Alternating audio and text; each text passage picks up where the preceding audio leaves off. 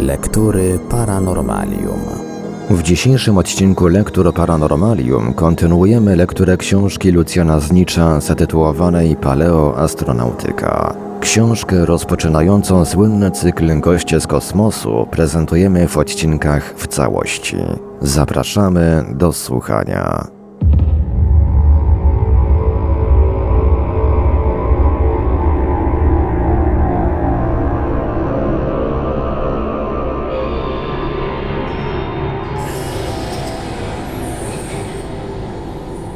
Kultura na stosie.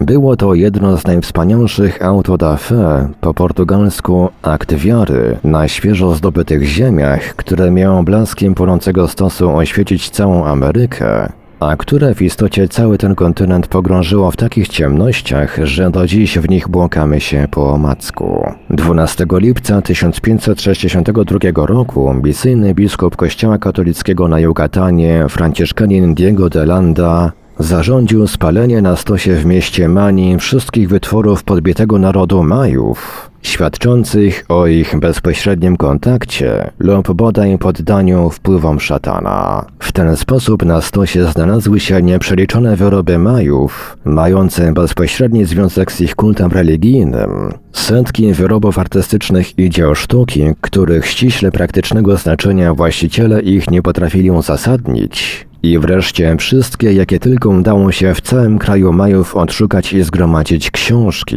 jako niewątpliwe dowody kontaktów z szatanem. Piękny to był stos i wspaniale zaiste płonął, a już najwięcej blasku dodawały mu właśnie nieprzeliczone książki o złożonych w harmonikę stronach zrobionych z kory drzewa figowego, i pokrytych białym lakiem, na których równymi rzędami układały się dziwne znaki pisma Majów, raz po raz ubarwione kolorowymi graficznymi ilustracjami.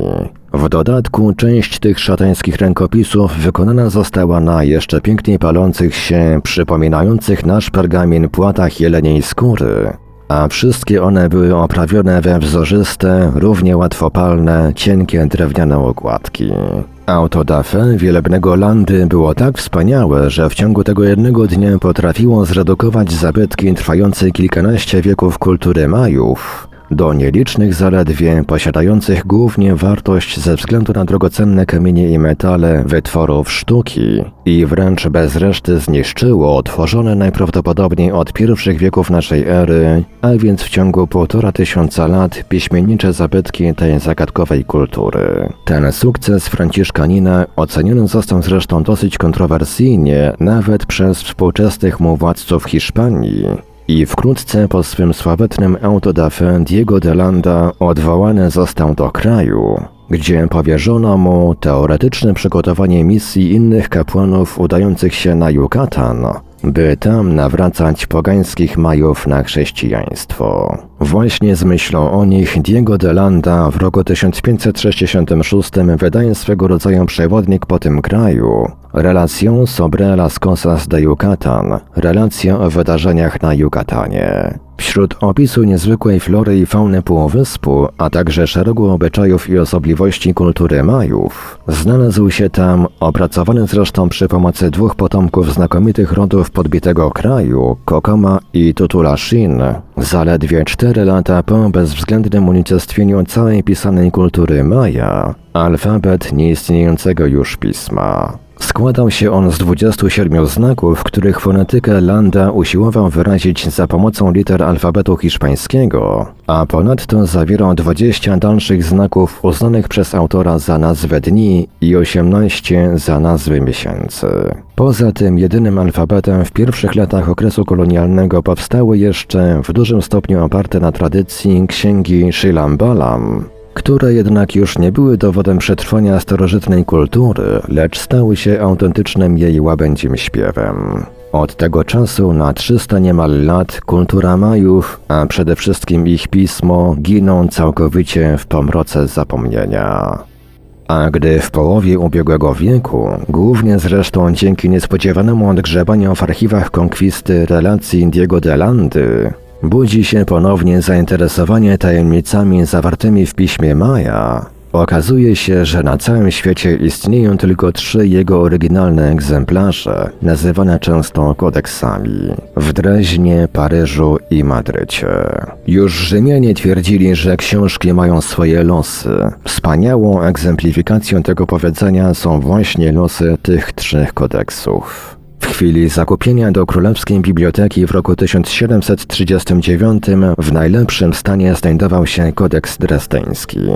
Niestety, podczas ostatniej wojny w wyniku dywanowych bombardowań Drezna spłonęła także Królewska Biblioteka i z kodeksu zostały właściwie nędzne szczątki, przechowywane obecnie w saksońskiej Bibliotece Regionalnej w NRD. Na szczęście przed zniszczeniem kodeks ten rozpowszechniony został po całym świecie w licznych reprodukcjach i do dziś z powodzeniem służy do prac badawczych nad odczytaniem Pisma Majów. Drugi z kodeksów już w chwili nabycia w roku 1832 przez paryską Bibliotekę Narodową pozbawiony był początku i końca, potem zaś zginął zupełnie i dopiero po 17 latach poszukiwań odkryty został przypadkiem w koszu z papierami a już w najgorszym stosunkowo stanie znajdują się dwa strzępy różnych rękopisów nabyte w roku 1869 i 1875 przez Muzeum Ameryki w Madrycie, nazywane łącznie Kodeksem Madryckim. Do uzupełnienia tej jakże skąpej wiedzy o piśmie Majów naukowcy wykorzystują jeszcze dwa słowniki, zawierający 10 tysięcy słów tzw. Tak słownik z motyla i również fonetycznie opisujący słowa Maja za pomocą starego alfabetu hiszpańskiego słownik Brasera de Borbura. Raz po raz odkrywane podczas wykopalisk napisy na kamieniu, wykonane zresztą odrębnym, tak zwanym lapidarnym, czyli kamiennym pismem. I wreszcie ujawniony nieoczekiwanie dopiero w roku 1973, znajdujący się w prywatnych rękach tak zwany kodeks nowojorski, składający się zresztą tylko z fragmentów 11 stron. I to wszystko, co pozostało po sławetnym Auto da sprzed 400 lat. I to wszystko, co pozostało z ponad półtora tysiąca lat istnienia, rozwoju i stopniowego gromadzenia zabytków jakże interesującej kultury Majów. Czy na podstawie tych doprawdy żałosnych szczątków można jeszcze żywić nadzieję na odtworzenie i odczytanie pisma tak bezwzględnie unicestwionej kultury? Kto się odważy tego podjąć?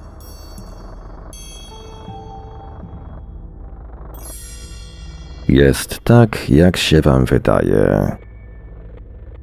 Na szczęście okazało się, że odwagi naukowcom nie braknie. Mają jej, jak się wydaje, nawet więcej niż bezspornych osiągnięć. Już pod koniec XIX wieku 20 znaków dni i 18 znaków miesięcy podanych jeszcze przez Landę uzupełnionych zostało przez odkrycie czterech znaków stron świata. Następnie uczony francuski Roni odczytał pięć dalszych hieroglifów jako oznaczenie kolorów zielonego, czerwonego, żółtego, czarnego i białego. Dyrektor Biblioteki Drezdeńskiej Fürstermann, studiując kodeks drezdeński, wyjaśnił symbole oznaczające wielkie liczby i doszedł do wniosku, że w ogóle zachowane zabytki Pisma Majów stanowią wyłącznie kalendarze lub zapiski astronomiczne. Następnie zoolog Allen i historyk kultury Majów Tozer wspólnie wyjaśnili, jakie zwierzęta i ptaki przedstawione są na rysunkach ilustrujących wszystkie rękopisy.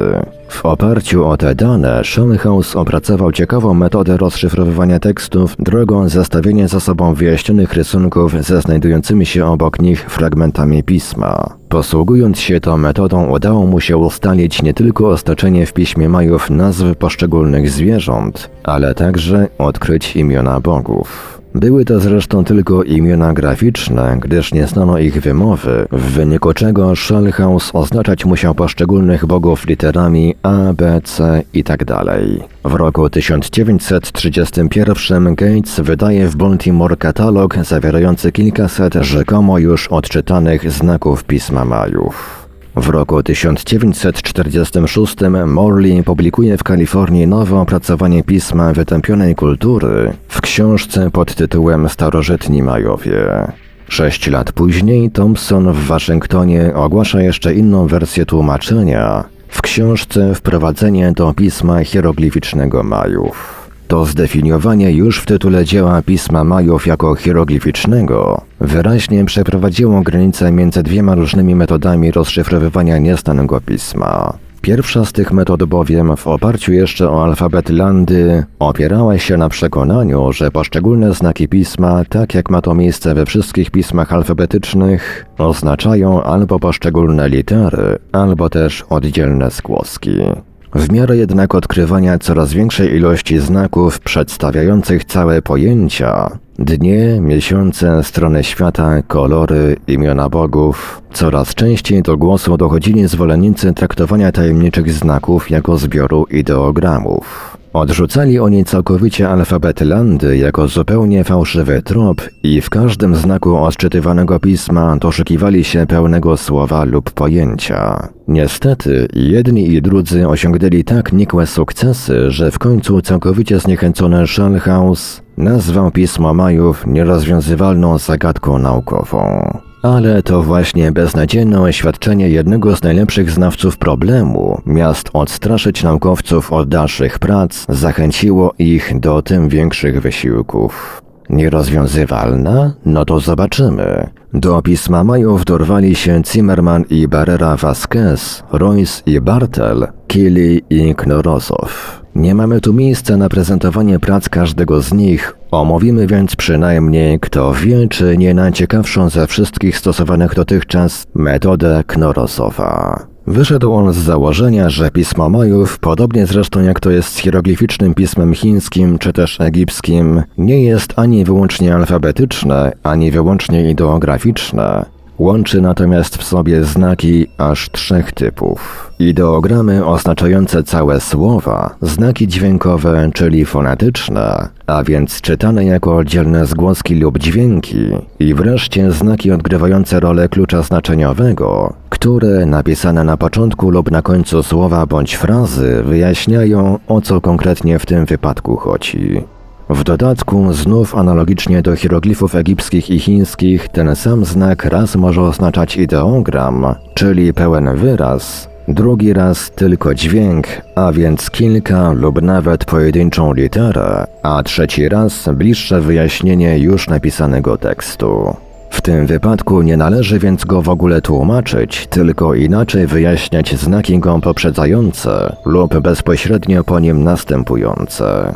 Knorozow wysnuł ponadto wniosek, iż wszystkie hieroglify Majów oznaczające pełne słowa przedstawione są za pomocą rysunków konkretnych przedmiotów, np. kukurydza, jezioro, ręka, bawełna i tym podobne. Tyle tylko, że nieco wystylizowanych ze względu na zwyczaj zamykania każdego znaku w prostokącie o zaokrąglonych rogach. Fonetyczne nazwy tych przedmiotów. Pamiętajmy, że na terytorium Gwatemali i Hondurasu do dziś żyje jeszcze około miliona Indian mówiących mniej lub więcej skażonym językiem Majów. Posłużyły mu z kolei do ustalenia dźwięków wyrażanych hieroglifami. Przy zastosowaniu tej niewątpliwie ciekawej, ale i dosyć dowolnej metody pozwalającej każdemu napisanemu znakowi nadawać zgodnie z wolą tłumacza jedno z trzech różnych znaczeń, już w roku 1962 w oparciu o komputerową technikę obliczeniową opracowali tłumaczenie kodeksów, które to już z rzędu trzej współpracownicy Instytutu Matematycznego Akademii Nauk ZSRR w Nowosybirsku, Jewrejnow, Kosariew i Ustinow. Jednakże przeciwko temu tłumaczeniu z własną interpretacją nieszczęsnych kodeksów wystąpił zaledwie rok później sam Knorosow. A gdy w roku 1974 zapytano o tłumaczenia pisma Majów znakomitego znawcę ich kultury, wspomnianego już odkrywcę płyty Spalenkę, ostatnio dyrektora Ośrodka Badań nad Cywilizacją Majów Narodowego Uniwersytetu w Meksyku, profesora Alberto Ruz Lujera, ten odpowiedział dosłownie, nad odcyfrowaniem tych hieroglifów uczeni wciąż jeszcze daremnie pracują. Kiedyż więc w tych dziwnych znakach odkryjemy raz wreszcie autentyczną i niepodważalną prawdę?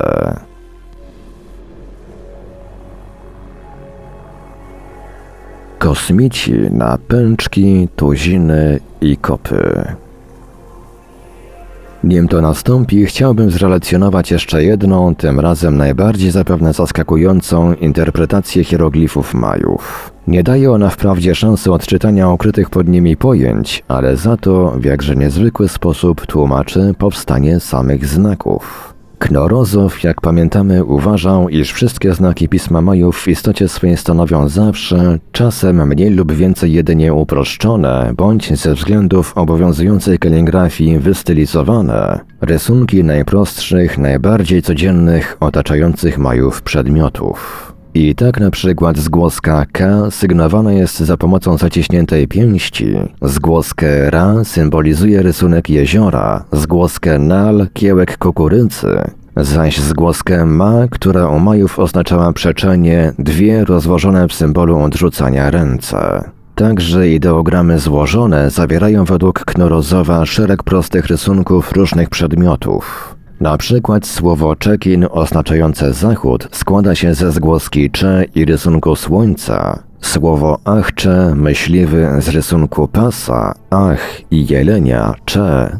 A imię jednego z bogów, Kanczeknal, czyli władający czworonogami, składa się z cyfry 4, która czytana była jako kan, oraz trzech dalszych znaków fonetycznych. Może dla Knorozowa jest to jeszcze proste, ale już inny tłumacz pisma Majów, Thompson, rozkłada bezradnie ręce. Bo powiedzmy sobie szczerze, poza kilkunastoma znakami, które jeszcze w mniejszym lub większym stopniu są do czegokolwiek podobne, pismo to składa się z setek takich dziwolągów rysunkowych, spod których nawet najbujniejsza fantazja nie jest w stanie wydobyć jakiegoś prostego pierwowzoru. Jak powstały te znaki? Jeżeli nawet założymy, że i one pochodzą od podobizn różnych przedmiotów, twierdzi Thompson, to nie ulega kwestii, iż w ciągu wielu wieków ich używania uległy one tak dalekiej deformacji, że dziś już w żadnym wypadku nie można rozpoznać, co miały one pierwotnie przedstawiać. Koniec cytatu. Kto wie, czy nie z tej bezradności Thompsona właśnie czerpie swe soki jeszcze jedna, najmniej już chyba prawdopodobna hipoteza dotycząca treści znaków Pisma Majów. Hipoteza twierdząca nie mniej, nie więcej, tylko że wszystkie hieroglify Majów są rysunkami przedstawiającymi odwiedziny kosmitów. Rzeczywiście, założenie takie w najłatwiejszy sposób potrafi wytłumaczyć najtrudniejsze zagadki Pisma Majów. Każdy, najbardziej nawet dziwaczny i niezrozumiały rysunek może być uznany za schemat jakiegokolwiek przyrządu związanego z kosmonautyką. Już dziś znamy ich tyle i to tak różnorakich, że dla zewidencjonowania ich nie starczyłoby nawet setek tysięcy odpowiednich rysunkowych znaków. Gdyby nawet któryś szczególnie dziwaczny znak nie dał się zidentyfikować z żadnym przyrządem, istnieje zawsze możliwość uznania go za rysunek aparatu, którego jeszcze nie znamy. Nawet wspomnianą już specyfikę kaligrafii Majów, wymagającą zamykania poszczególnych liter w charakterystycznych prostokątach o zaokrąglonych kątach, można wytłumaczyć realistycznym kopiowaniem wizji z ekranów monitorów telewizyjnych zaś hieroglificzne liczby Majów w lwiej części przedstawiające profile ludzkie są wręcz podobiznami samych kosmitów. Biada jednak tym, którzy znając pełną fantazji stylizację Majów spodziewają się szczególnie niezwykłych portretów potencjalnych gości z kosmosu. Spotka ich całkowite rozczarowanie. Przedstawiający poszczególne cyfry Maja kosmici tej fantastycznej hipotezy mają nie tylko zwykłe, normalne twarze Ziemian, ale w dodatku tak charakterystyczne profile Indian. Tym niemniej niektóre z tych głów wydają się jakby zamknięte w hełmach. Inne mają na uszach jakby słuchawki hełmofonów, jeszcze inne jakby przewody od lotniczych mikrofonów czy wreszcie najczęściej zawieszone na czole dziwne elementy, czasem przypominające tylko skręcony lok, a czasem lusterko laryngologa. Dla Majów były to tylko liczby 1, 3, 6, 10, 14, chociaż może dodam to już od siebie, by chociaż odrobinę uprawdopodobnić tę niewiarygodną raczej hipotezę. Podobnie jak my czcimy naszych twórców fizyki, nazywając ich imionami różne pojęcia fizyczne, jak chociażby volt, watt, gauss, farad, coulomb czy centymetr. I oni postanowili w ten oryginalny sposób uczcić twórców własnej, niewątpliwie podejrzanie wysokiej matematyki.